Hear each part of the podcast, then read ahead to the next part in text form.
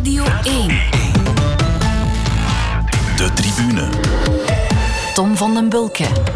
Goedenavond en welkom bij de tribune. De Rode Duivels zijn weer thuis. De Tour neemt een rustdag en op de Olympische Spelen is het nog even wachten. Niks te bespreken, denk je dan. Maar het tegendeel is waar en dat gaan we het komende uur bewijzen. Mijn gasten voor vanavond zijn Ilien Berings, atlete en psychologe. Dag Ilien. Hallo. En uh, dag Jonas Creteur, sportveelvraat bij Sport Voetbalmagazine en leverancier van statistieken allerhande op Twitter. Inderdaad, toch, ja. Goedenavond. Ja, ja. Heb jij nog tijd om te slapen, vraag ik mij soms af.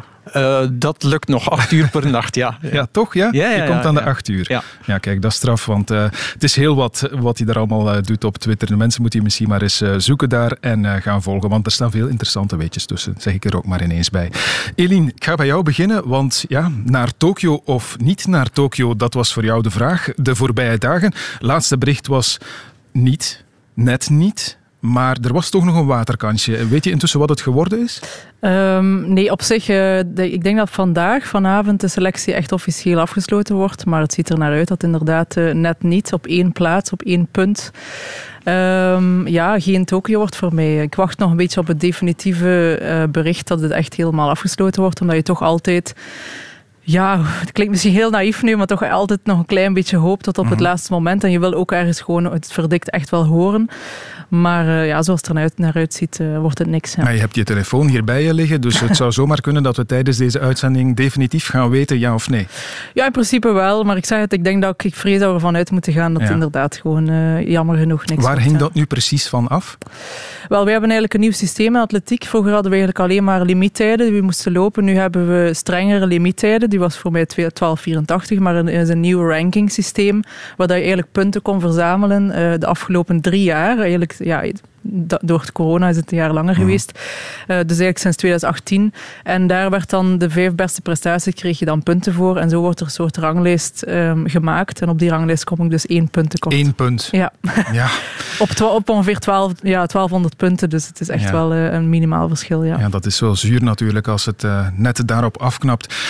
Ja, ik wil het nu nog niet uh, gezegd hebben, maar ik moet toch een beetje vooruitblikken. Wat als het niet is, uh, hoe gaat jouw carrière dan eindigen? Want dit was normaal het slotakkoord geweest. Ja, absoluut. En ik zit toch wel een beetje met het gevoel van, ja, ik wou eindigen on the big stage. Uh, en nu heb ik het gevoel van, het is langs de achterdeur. Hè. Dat is Ja. wel een heel, ja, het is wel pijnlijk. Het is, uh, ja, ik zit toch met heel mixed feelings. Um, en op dit moment ben ik dan natuurlijk nog aan het verwerken. Hè. Dus het is, het is heel recent. Je zit ook nog een beetje tussen hoop en wanhoop. Mhm. Um, maar wat nu, ja, ik voel dat het toch wel uh, de veer ook wel wat breekt. En het idee van dat Tokio niet doorgaat, zie ik mezelf ook niet echt meer heel veel wedstrijden lopen die eigenlijk ja, niet belangrijk of niet groot genoeg zijn. Um, ik heb ook zo'n lange carrière gehad, zoveel gedaan. En dan, dan heb je wel het gevoel van misschien is het ook wel, is, is het ook wel rond en is het ook wel op. Maar goed, ik ga die beslissing uh, ook niet vandaag nemen. Ik ga de komende week, twee weken wel zien hoe ik mij voel. Wil ik toch nog lopen, dan zal ik nog een soort uh, mini-afscheidstournee ja. misschien doen. Maar als het niet zo is, is het niet zo. Het is en dan niet is het uh, per se dat je vanaf morgen Eline Berings, de ex-atlete, al bent. Maar het kan zijn, maar ik, ja, ik, ik denk, je moet altijd je tijd nemen, voor, zeker voor dergelijke dingen. Ik bedoel, gisteren, eergisteren of, of ja, drie, vier dagen geleden zit je nog in, in je hoofd, maar ik ga naar de Olympische Spelen. Het daar helemaal, eruit te leven daar helemaal rond. Nu is dat helemaal anders. Uh, moet je echt wel even resetten, rebooten. En ik vind ook niet dat je dat te rap moet doen. Dus ik neem gewoon mijn tijd nu. Ik, uh, ik laat emoties toe, ik laat verdriet toe. En, uh, en dan kijken we wel verder. Ja. Jonas, haar kwestie, zal ik het maar noemen, is niet te vergelijken, denk ik, met die van zwemster Valentine Dumont. Want daar is uh, recent uh, toch redelijk veel rond te doen geweest. Valentine Dumont is niet geselecteerd door het BOIC om mee te gaan naar de Spelen in Tokio. Ze voldoet nogthans aan de internationale criteria, maar blijkbaar niet aan de Belgische. Een vreemde zaak en veel ongenoegen in de zwemwereld. Ja, het, het, is een zeer jammerlijke zaak. Um, vooral omdat ze inderdaad dan de toestemming gekregen heeft van de FINA, de Wereldzwembond, um, om deel te nemen. Um, dus dan die criteria beantwoordt ze. Maar het BOC heeft dan gezegd van nee, omdat de uh, Belgische Zwembond de A-criteria van de FINA uh, als, als regel geldt. Mhm. En ja, dan heeft de BO gezegd, ja, de, de wet is de wet en, en dat zijn de regels. Dus nee, ze komt niet in aanmerking. Ik laat mij vertellen dat dat vooral is omdat ze dan vrezen dat ze dan de doos van Pandora zouden openen en, en vrezen voor andere rechtszaken van andere atleten die dan op, op die manier dan ook een selectie willen afdwingen. Maar dat lijkt mij wel een beetje vergezocht. Maar ja, blijkbaar is dat toch de, de gedachtegang van, van het BOC, van, van directeur Olaf Spaal. Mm het is zeer jammer. Waarom? Omdat ja, het BOC stelt altijd de atleet centraal, wil de atleet, atleet centraal stellen. En zij is pas 21 jaar een, een, een, opkomend talent die dit jaar toch al EK-finale gehaald heeft, um, heel wat persoonlijke besttijden heeft gezwommen, die op Tokio wel wat ervaring, veel ervaring had kunnen opdoen. En dat zij dan zo die kans wordt ontnomen, ja, dat is wel jammer natuurlijk. het zit al bij de rechtbank ondertussen inderdaad. Ehm, via die weg moet het dan misschien nog wel lukken. Ik weet niet wat het het zuurst is, Eline, uh, jouw geval met dat ene puntje, of dit, misschien dit dan nog. want, want je hebt voldaan aan de internationale criteria, maar dan heb je je eigen bond die zegt, ja maar nee, we nemen je niet mee. Ja, ik vind, ik vind het vooral bijzonder jammer, omdat je, dat gaat sowieso uh, toch vaak maar over één of twee gevallen. En, en het is een jong atlete. En ik denk, ja, wat verlies je door zo iemand mee te nemen? Hè? Door, draai het om, maar wat verlies je door iemand van 21 mee te nemen naar de Olympische Spelen? Mhm. Het verschil met mij natuurlijk is, bij mij was het zeker het laatste, bij haar is het zeker het eerste. Hè? Er zal ongetwijfeld, ik heb begrepen dat het een groot talent is, dus er komt mhm. ongetwijfeld nog veel.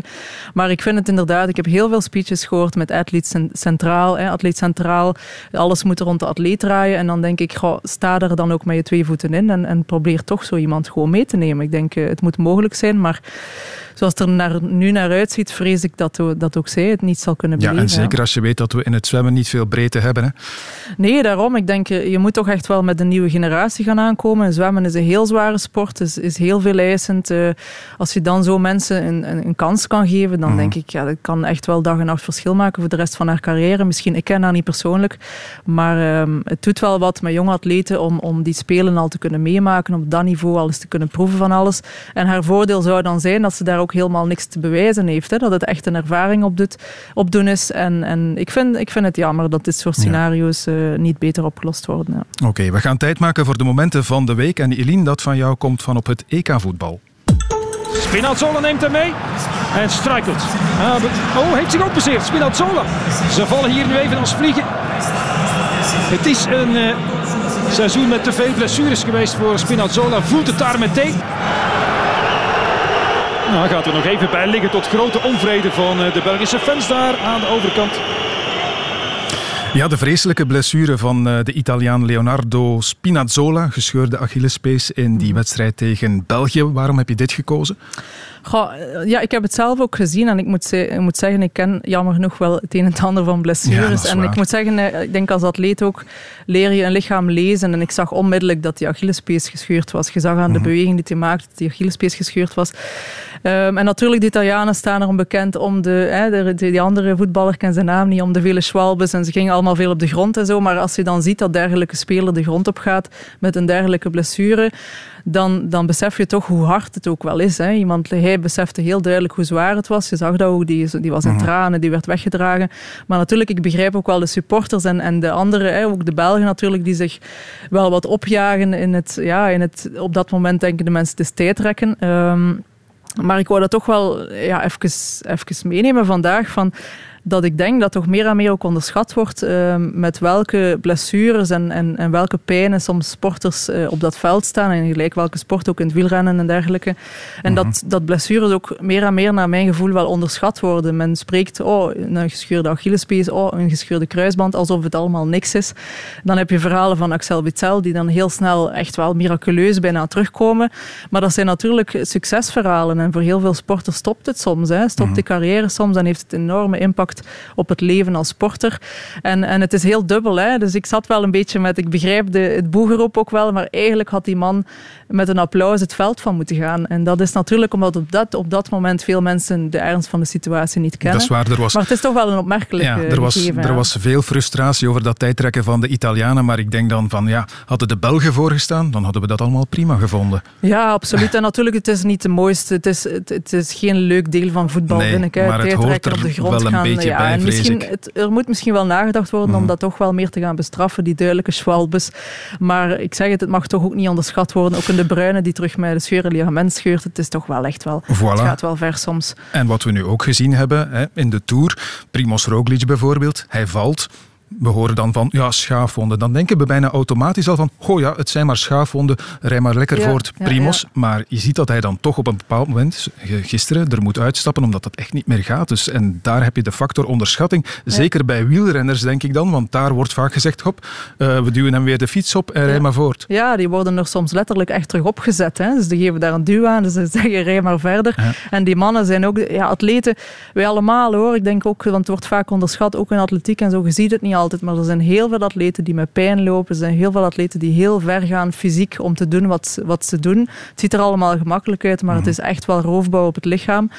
Ehm, en, en dan zie je dat de grenzen soms echt wel heel ver ja, doorgeschoven worden en dat, dat je dan soms krijgt van, och, we, we plakken er wat pleisters op en het gaat wel weer, maar er zijn toch wel grenzen aan het fysiek mogelijk op een bepaald moment. Ja. Ja, en het mentale moet dan ook mee willen natuurlijk. Hè. Klopt het trouwens, nu we het toch over de Rode Duivels hebben, dat jij intussen psychologe bent van een van de nationale jeugdploegen in het voetbal? Eh, ik ben aan het, ja, dat moet eigenlijk nog wel opgestart worden, maar ik ben Ja. bij het vrouwenvoetbal eh, ja. ga ik binnenkort aan de slag zijn. Eh, bij ja. de Red Flames dan? Of, of bij de, bij ja, de bij de jongeren, bij de U17, eh, Oké. ja, dat is de bedoeling. Ja, Voilà, kijk, je hebt al meteen werk voor als het straks dan toch ophoudt, hè, Eline? Ja voilà, Voilà. zeker en vast. Oké, over naar het moment van eh, Jonas. En daarvoor moeten we naar jouw domein, Eline, naar de atletiek.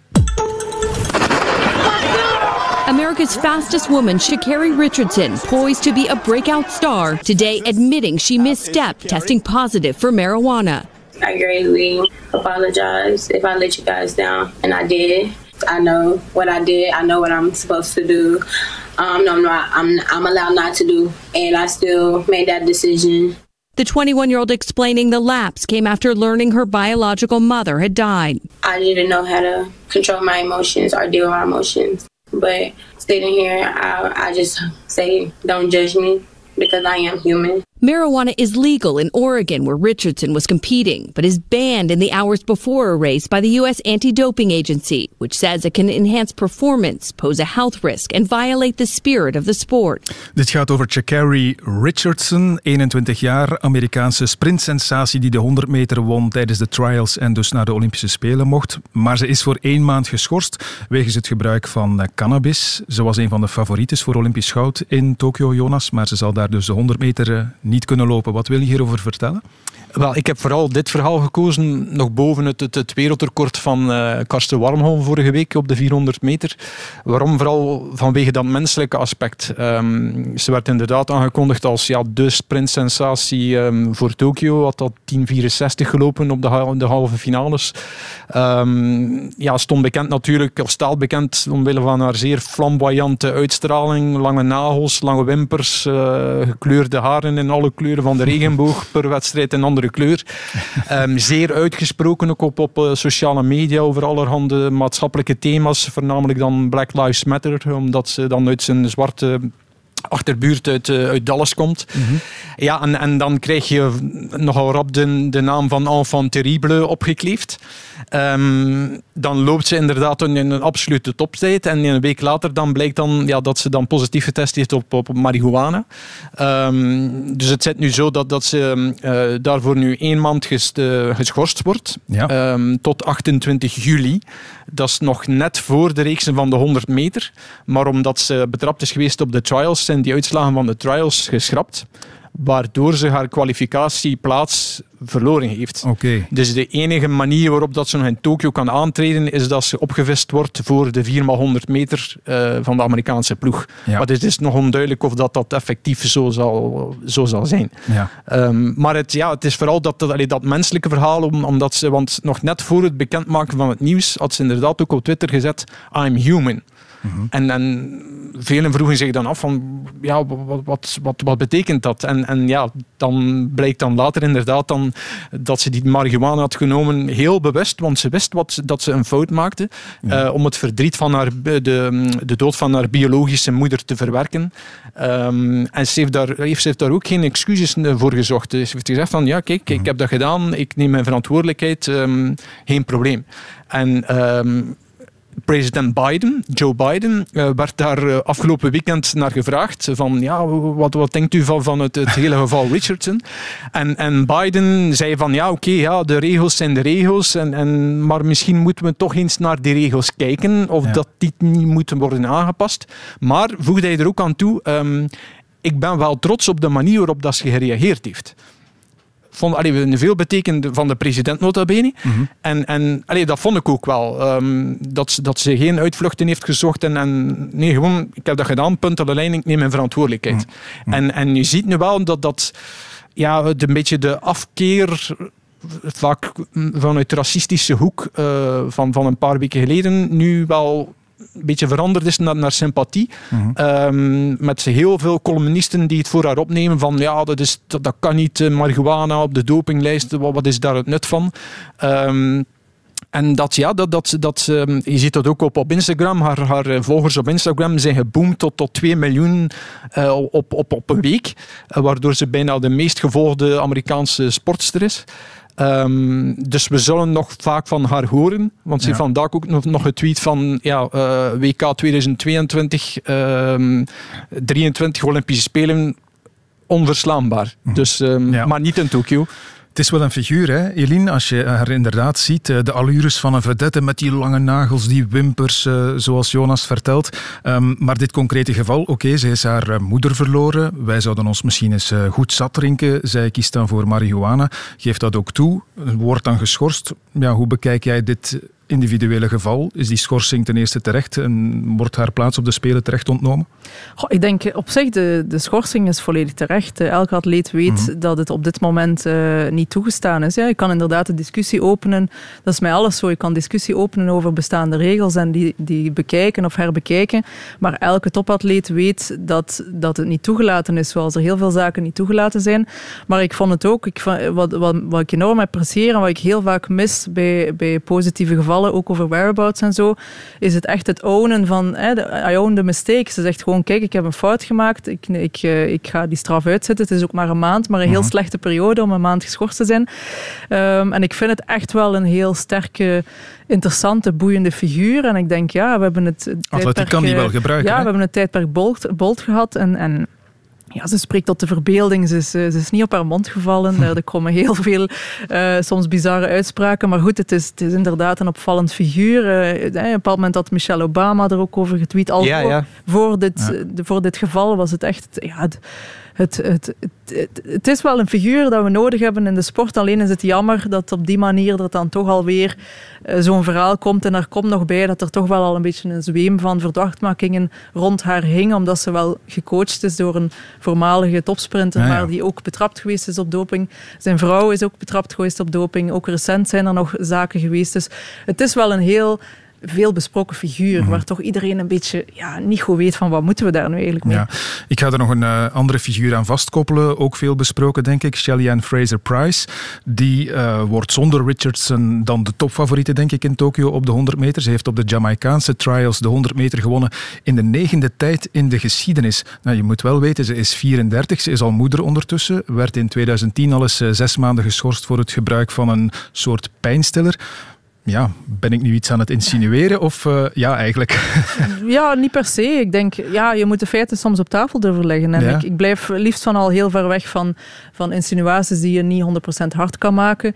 Maar het is, het is in de eerste plaats fenomenaal. Inderdaad, als je dat opsomt, 34 jaar, dat op zich al 34 jaar. Ja, want hoe oud ben jij nu? Als ik, ik ben 35. 35, dus, ja. Dus um, ja, voor mij is het wel het bewijs dat het kan op die leeftijd, mm -hmm. dat is één.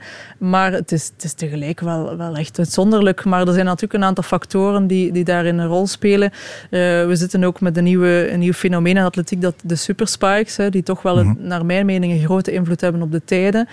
Um, waardoor dat ik toch denk dat die tijden nu toch wel, dat je daar eigenlijk wel twee tienden moet bijtellen ten opzichte van vroeger. Hè. Dus, dus nu lopen die vrouwen 1060, dat zou vroeger 1080 geweest zijn. Ja. Nog altijd ijzersterk, maar toch wel een ander verhaal.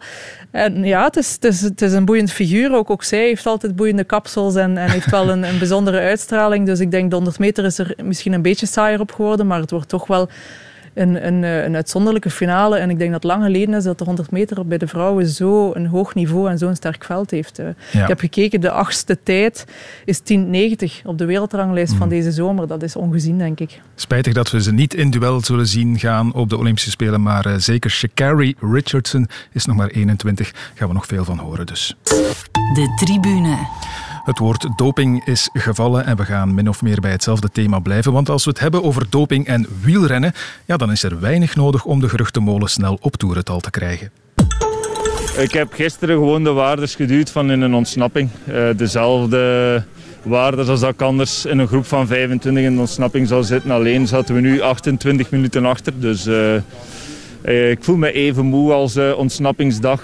Um, maar ja, er is een, een hele hoop renners die een pak rapper rijden. Thomas de Gent zegt, ik heb waarden getrapt waarmee ik anders zo in een ontsnapping ben en het verschil kan maken.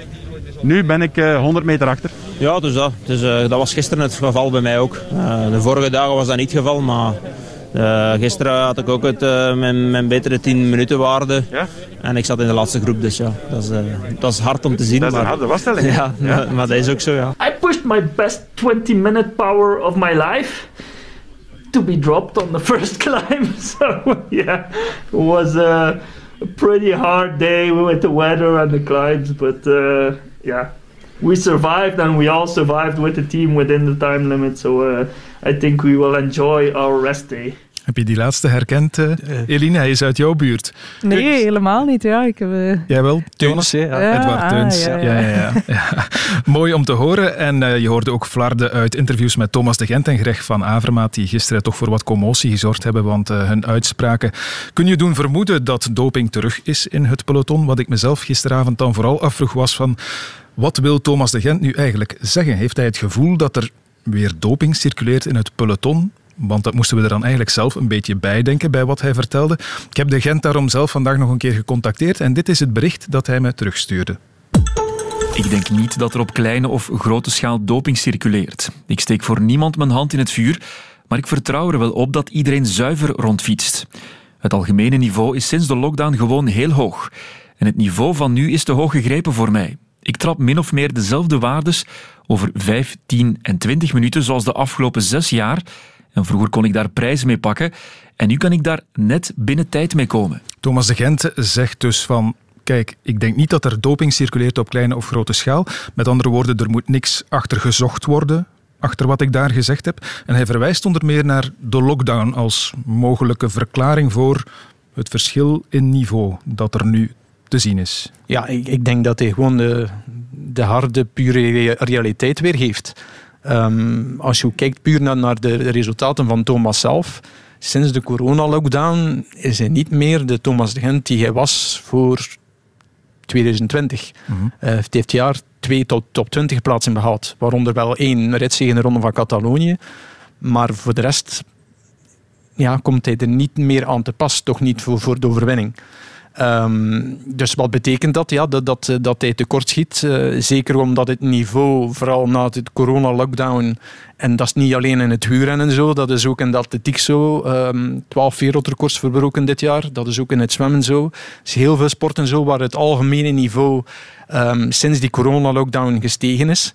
En als je dan op je 34ste of, of op je 36ste, ja, dan zelf niet meer 100% bent. Want het is een beetje verloren gaan in, in dat interview, maar de Gent sprak over zijn twintigste beste waarde. Mhm. Niet over zijn beste waarde, maar over zijn twintigste beste waarde.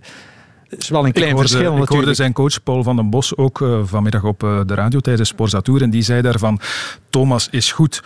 Hij is goed in vorm, maar hij zei niet: Dit is de beste Thomas de Gent voilà, die, we, ja. die we al gekend hebben. Ja, en als je dan als, als 34-jarige zelf niet meer de absolute top bereikt zoals je ooit hebt bereikt. Mhm. En je botst dan tegen, tegen ja, die, die nieuwere generatie die ja, gewoon nog harder rijdt. En dan, dat is pure realiteit. En daar moet je niet onmiddellijk doping achter zoeken. Mhm. Ja, dan, dan, ja, dan kom je er misschien niet aan te pas. Wat Ja. niet wil betekenen dat, dat hij in, in deze Tour nog, nog eh, in een ontsnapping zal mee zijn en, en misschien nog zal meestrijden voor, voor een overwinning. Maar Maar ik kom dus nog eens terug op die, die lockdown waar hij het over heeft. Eline, kan dat inderdaad een mogelijke verklaring zijn, omdat anderen die misschien anders ingevuld hebben, anders getraind hebben, ik zeg maar wat?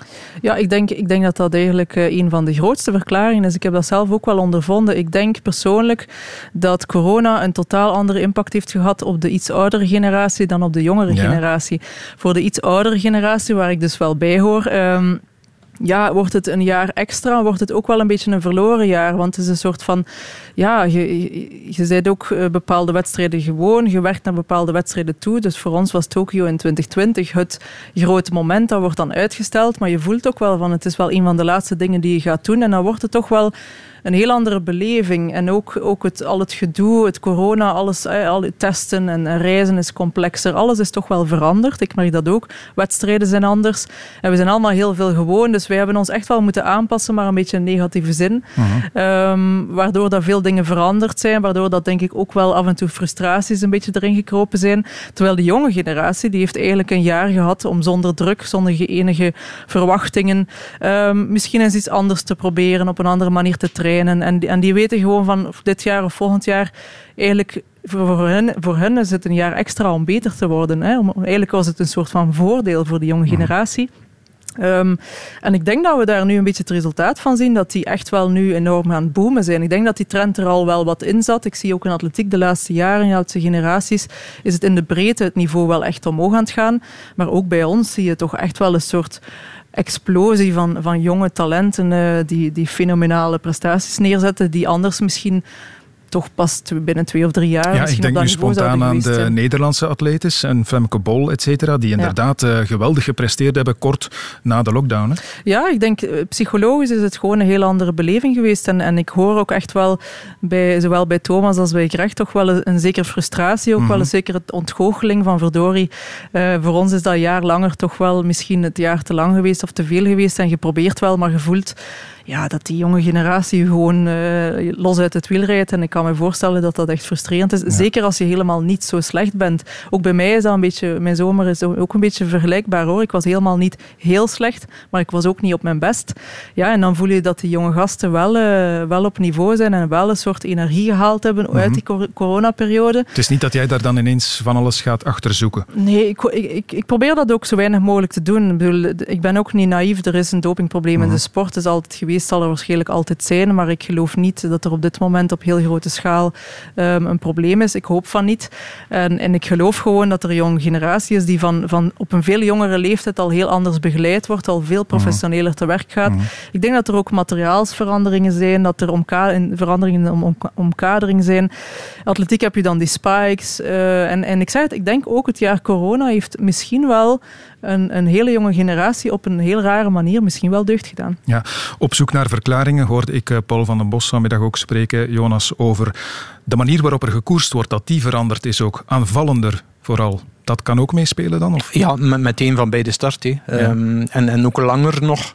Uh, waardoor dat die oudere renners die misschien iets moeilijker op gang raken, ja, dat zich daar moeilijker kunnen aan aanpassen. En, en ja, als je ziet ook, um, dat wordt dan bijna heel de rit doorgetrokken. Die vrijdagrit, 250 kilometer, uh, met Van Aert en Van der Poel in de ontsnapping.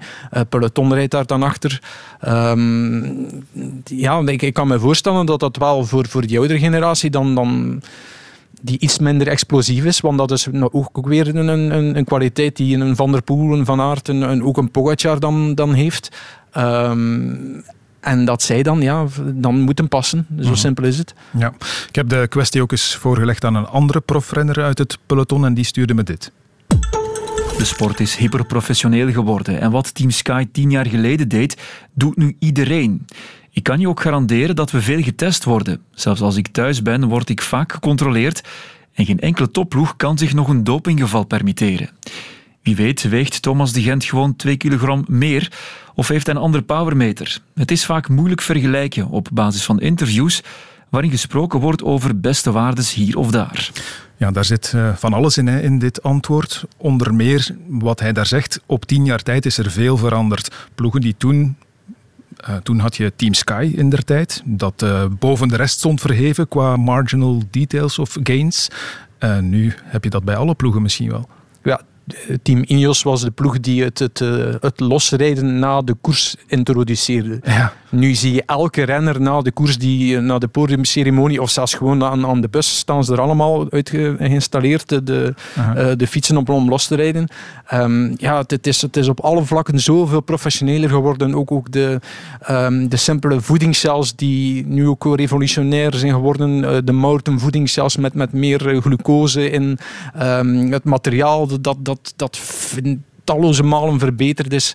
Dus ja, dat, dat er dan ook harder gereden wordt. Um, zoals nu ook in, in, in voorbije Tour.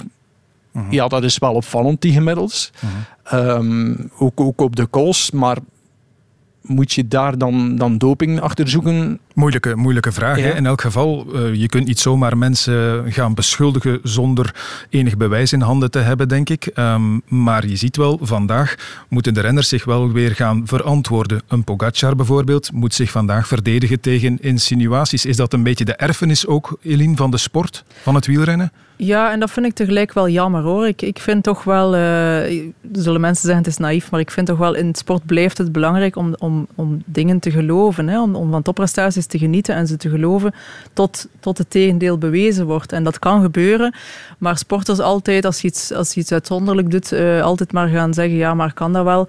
Um, goh, het is toch altijd heel dubbel. Ik heb er vandaag ook een gesprek over gehad met iemand, uh, bijvoorbeeld de, de, Nederlandse Femke Bol. Daar stellen mm -hmm. wij als Europeanen ons dan niet echt veel vragen bij, maar zou dat, als dat een Oekraïense of een Russische atlete zou zijn, dan zouden er al veel meer vragen gesteld worden bij exact dezelfde prestatie.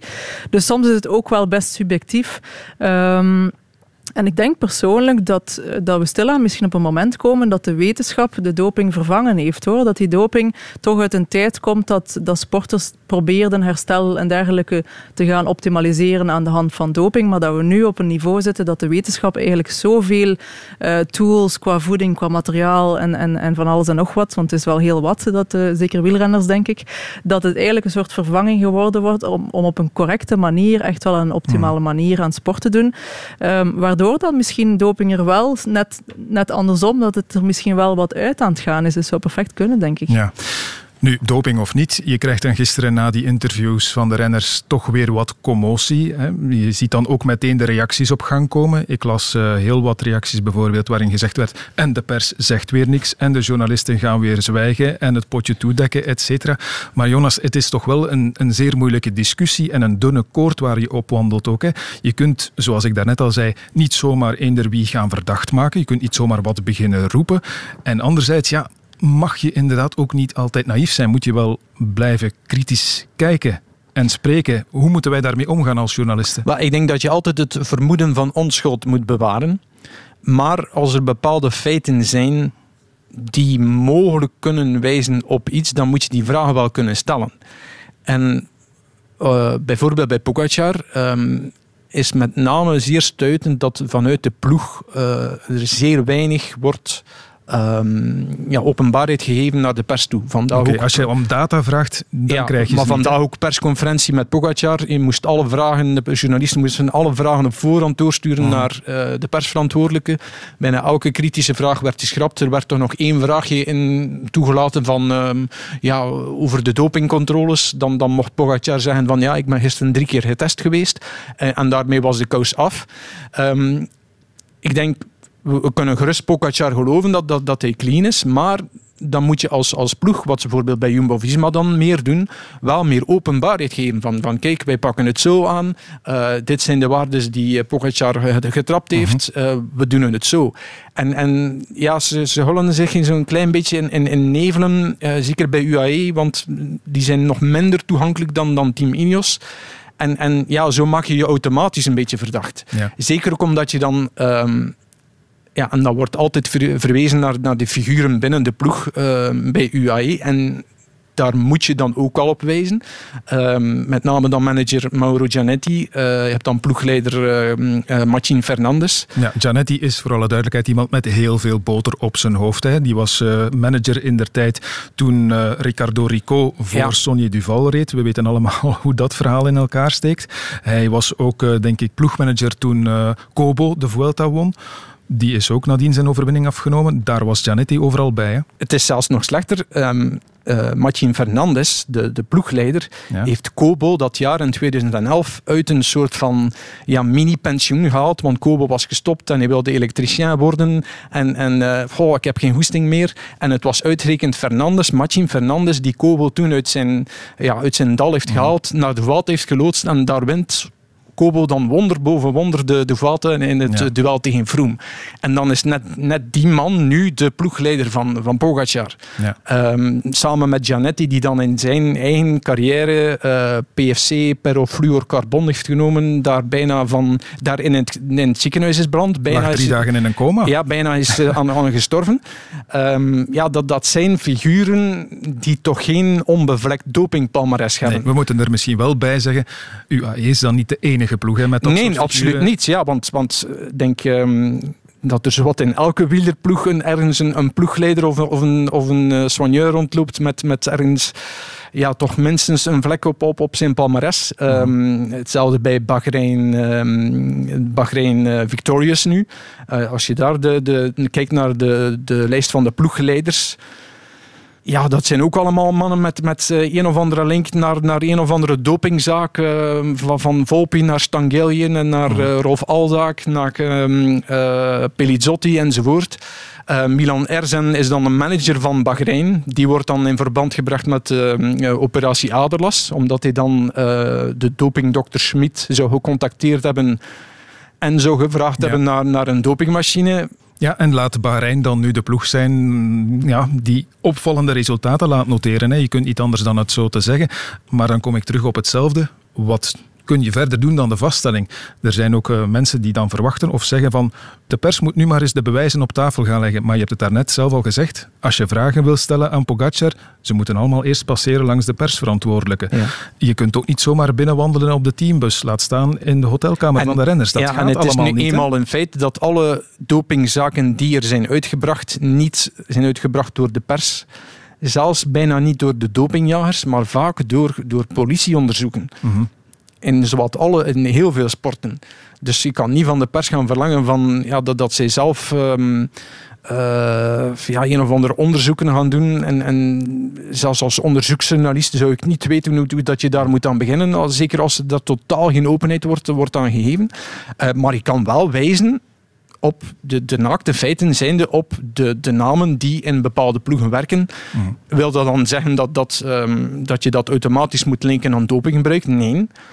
Maar je kan dat wel vaststellen. Ja. Eh, want bijvoorbeeld Pogacar, ik kan niet zeggen dat hij zomaar uit de lucht komt vallen. Hij is een, Nee. een absoluut toptalent van, van, van beide jeugd, eh, van beide beloften, eh, van in zijn eerste jaar bij de pros. Ehm, dus het, het, het, is een, het is een absoluut toptalent die dan ook op, op een heel speciale manier getraind wordt ehm, door een Amerikaanse professor, eh, University of Colorado, die gespecialise- gespecialiseerd is in, in ja, metabolisme en mitochondriën en de werking daarvan. En dat ook dan gebruikt voor de behandeling van, van, ehm, eh, van kankerpatiënten, ehm, van diabetespatiënten.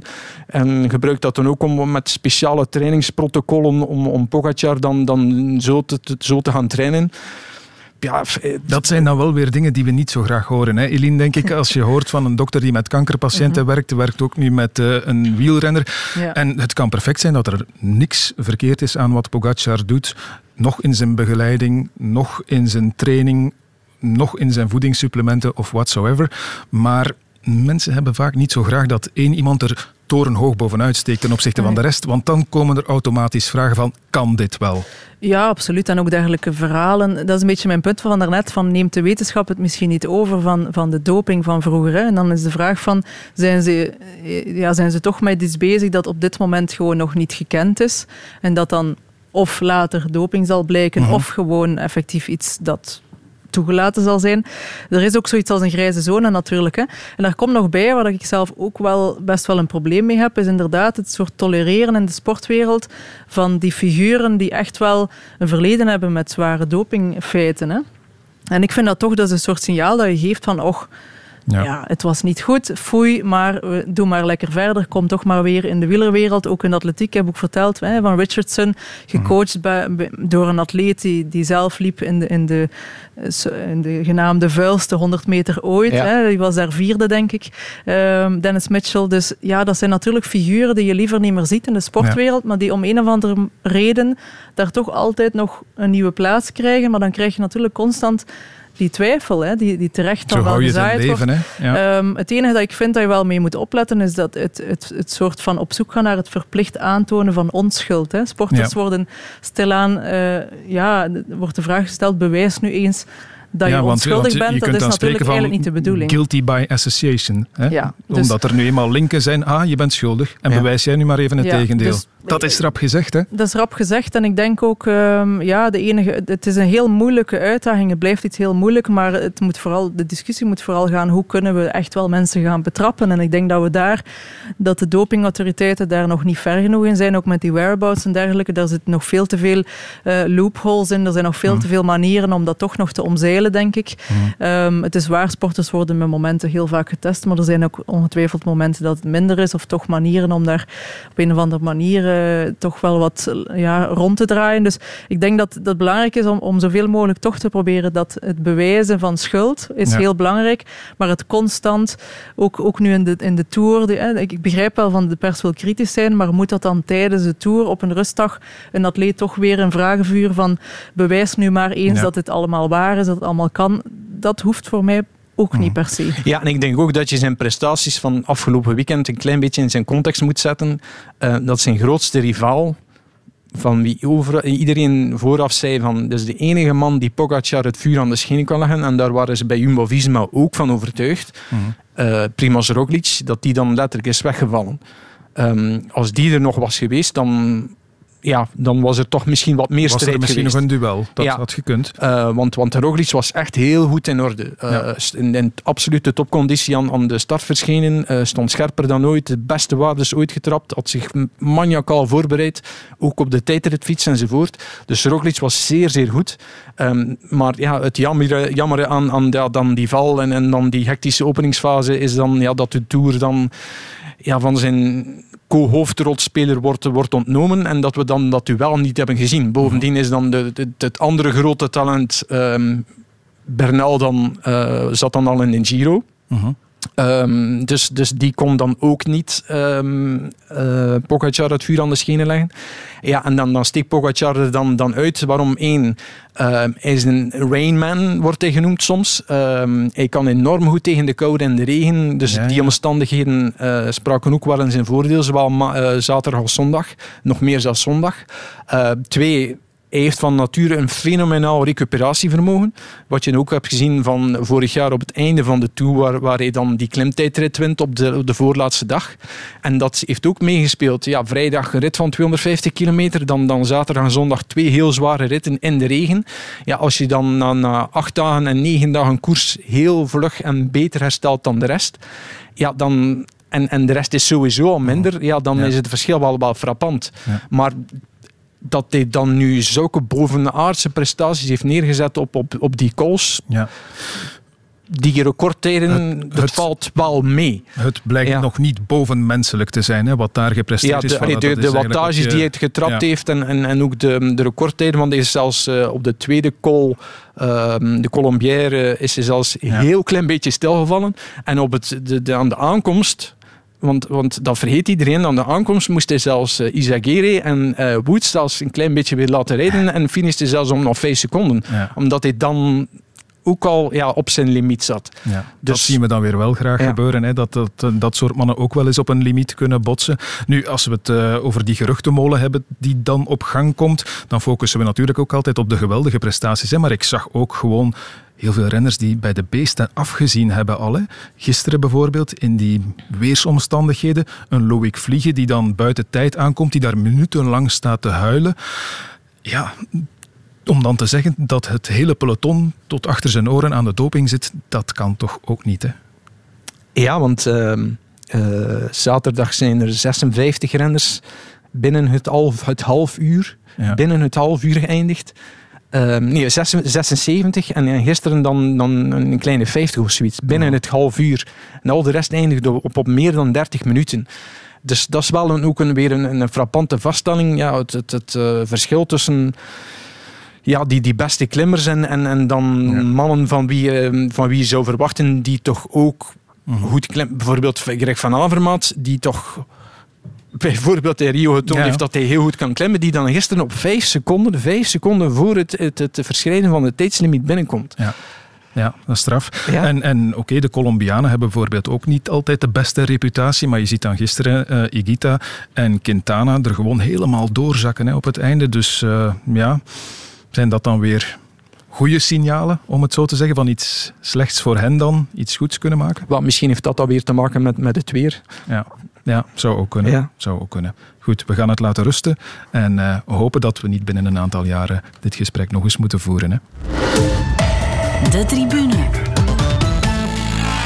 De sportzomer is intussen alweer wat uh, opgeschoten. We zijn op, wat is het, 20 dagen van de Olympische Spelen in Tokio. Eline, uh, laat ons daar nog eens naar kijken. Hè. Um, wat de atletiek betreft, Cynthia Bolingo heeft afgelopen weekend weer het Belgische record verbeterd op de 400 meter. Ja, wat verwacht je van haar in Tokio? Want ze is echt wel uh, heel goed bezig. Ja, het is, het is echt wel uh, boven verwachting goed. Het is dergelijke tijden. Ook, ook, het waren heel slechte omstandigheden. Heuse Zolder, niemand verwacht haar. Het was koud, het was nat, de piste was kletsnat, ze had ook niet echt heel veel tegenstand. En dan zo'n tijd opnieuw lopen, het was 50, 75 zeker? Of, allee, 50, 72. 72. Van 50, 75 scherper ja, gesteld naar dan, 50, dan, 72. Als je dan ook kijkt naar de anderen in die, in die race, hè, die anderen hebben eigenlijk allemaal trager gelopen dan een Seasons West. En zij loopt dan zo'n -hmm. toptijd. Ja, dat doet toch wel het beste hopen voor, voor Tokio. En, um, Spreken we dan over een finale plaats? Het, het zou kunnen, maar ook de 400 meter bij de vrouwen is wel echt wel van een ongezien niveau. Dus het zal zeker niet evident zijn. Maar ik denk als ze deze vorm kan doortrekken en het daar ook kan laten zien dat het toch wel een potentiële finalist is.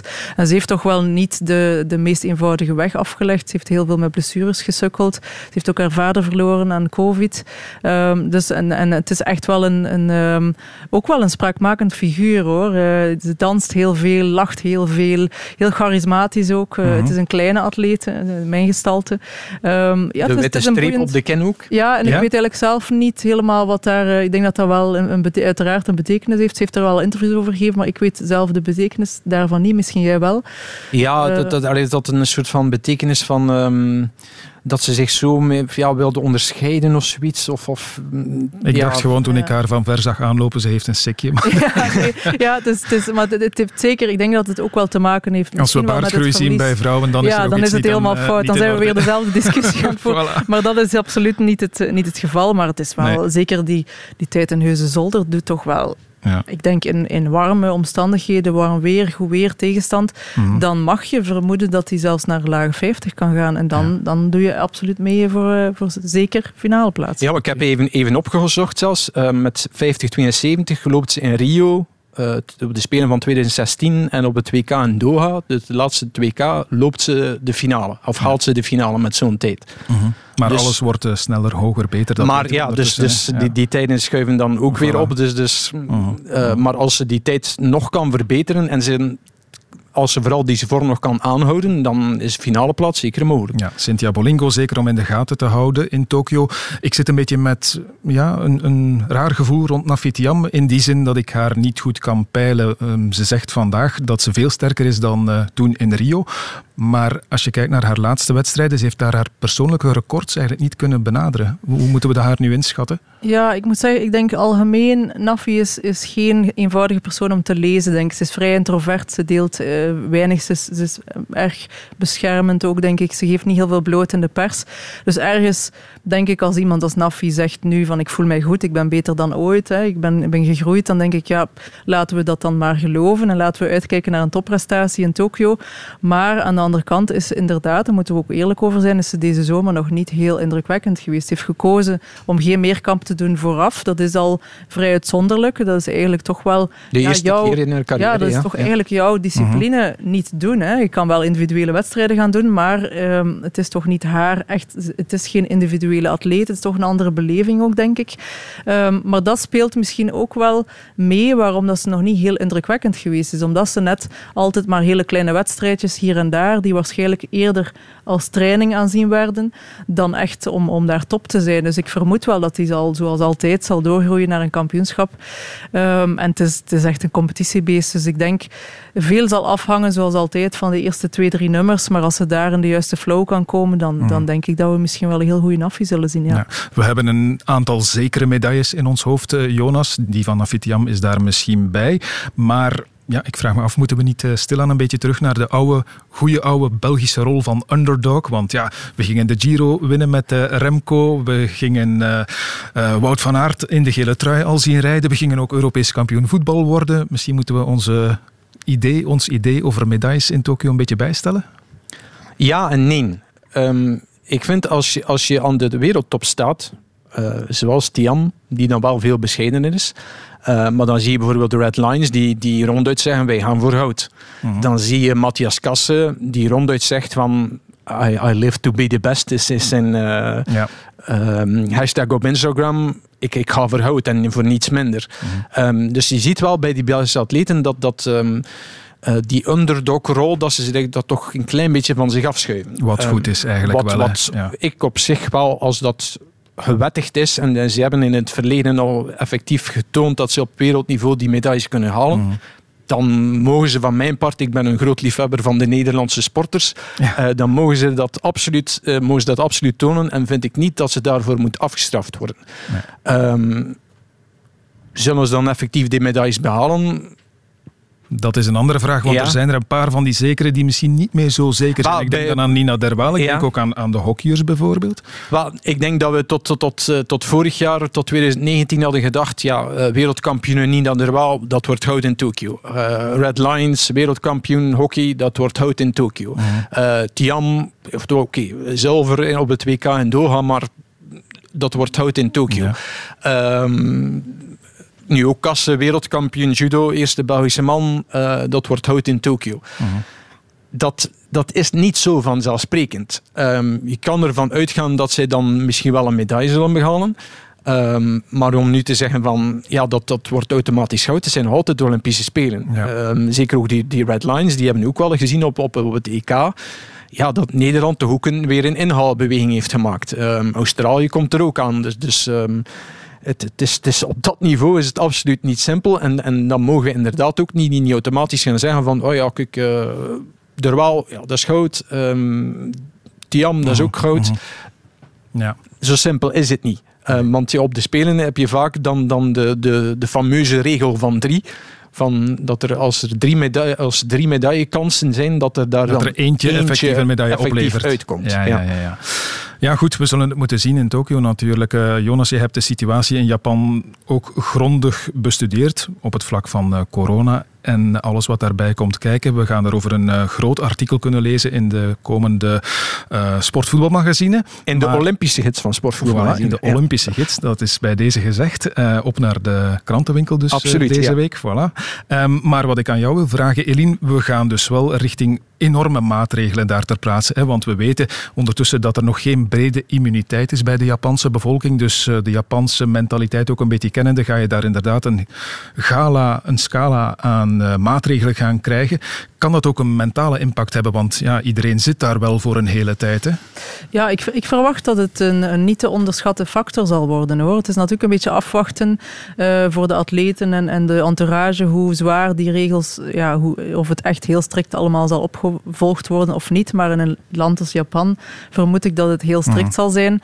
Um, want voorgaande, we hebben nu al een aantal kampioenschappen gedaan. Daar voel je toch vaak na één, twee dagen dat het wel ietsje losser kan allemaal. Maar ik denk in Japan dat het extreem extreem streng zal zijn en dat het een, een zeer... Uh, ja, een, eigenlijk een zeer kleine Olympische Spelen zullen worden. Die grootheid, die drukte, die, alles, die hectiek van die Olympische Spelen zullen nu heel ingetogen, heel klein zijn, denk ik. Maar ik denk, ja, voor atleten, sporters zal het toch ook aanvoelen als een echte isolatie. Een ja, soort de Belgian Cats hadden daar ook al wat last van hè, ja. tijdens het EK nu. Dat was ja. in Frankrijk weliswaar, maar het was daar ook al streng. Dus het gaat op de Spelen nog erger zijn. Absoluut, en dat is, dat is een team. Hè. Dus dat is al een groep waar al heel veel energie en leven in zit, sowieso. Dus ik denk als, als zij al aangeven van, goh, het is toch wel niet evident. Dan denk ik individuele sporters, er zijn soms atleten zonder coach, die, die het daar helemaal alleen moeten gaan uitzoeken. Um, ik, ik denk en ik hoop dat het BOC daar wel uh, ja, rekening mee zal houden en op zo goed mogelijke manier zal. Er zijn ook denk ik twee sportpsychologen mee, die zullen misschien ja, wel ja. meer werk die nodig werk hebben. werk hebben dan anders. Er zal wel aan gedacht worden, maar ik denk dat het niet evident zal okay. worden. Nee. We zitten in de laatste minuut. Um, ik ga jou vragen om je telefoon eens om te draaien, Eline Berings, want je hebt nog niet gekeken. Nee, nee, want het staat ook nog niks. Uh, Geen berichtje? Niks nee, nee, nee, nee. Ben je nu nog nerveus voor wat er gaat komen? Of, nee, of ik zeg het je omdat er al een ik, beetje in? Ja, omdat ik niet verwacht dat er nog iets zal veranderen. Dus het zou een soort mirakel zijn. Uh, nee, ik, ik reken erop. Ik vrees dat het... Gewoon zal zijn zoals het nu is. Misschien kunnen we u toch nog meesturen, maar dan als psycholoog, want eh, we hebben het net gezegd, we gaan ze nodig hebben daar. Hè. Voilà, oké. Goed, ehm, dan zit onze tijd er alweer op. Ik had nog met uh, jullie van alles willen bespreken, maar dat zal dan voor een uh, andere keer zijn natuurlijk, want er blijft heel wat op ons afkomen in deze sportzomer. Goed, te weinig tijd, maar het was wel leuk om jullie erbij te hebben, dus ik bedank jullie en graag tot de volgende keer. Eline Berings, Jonas Creteur.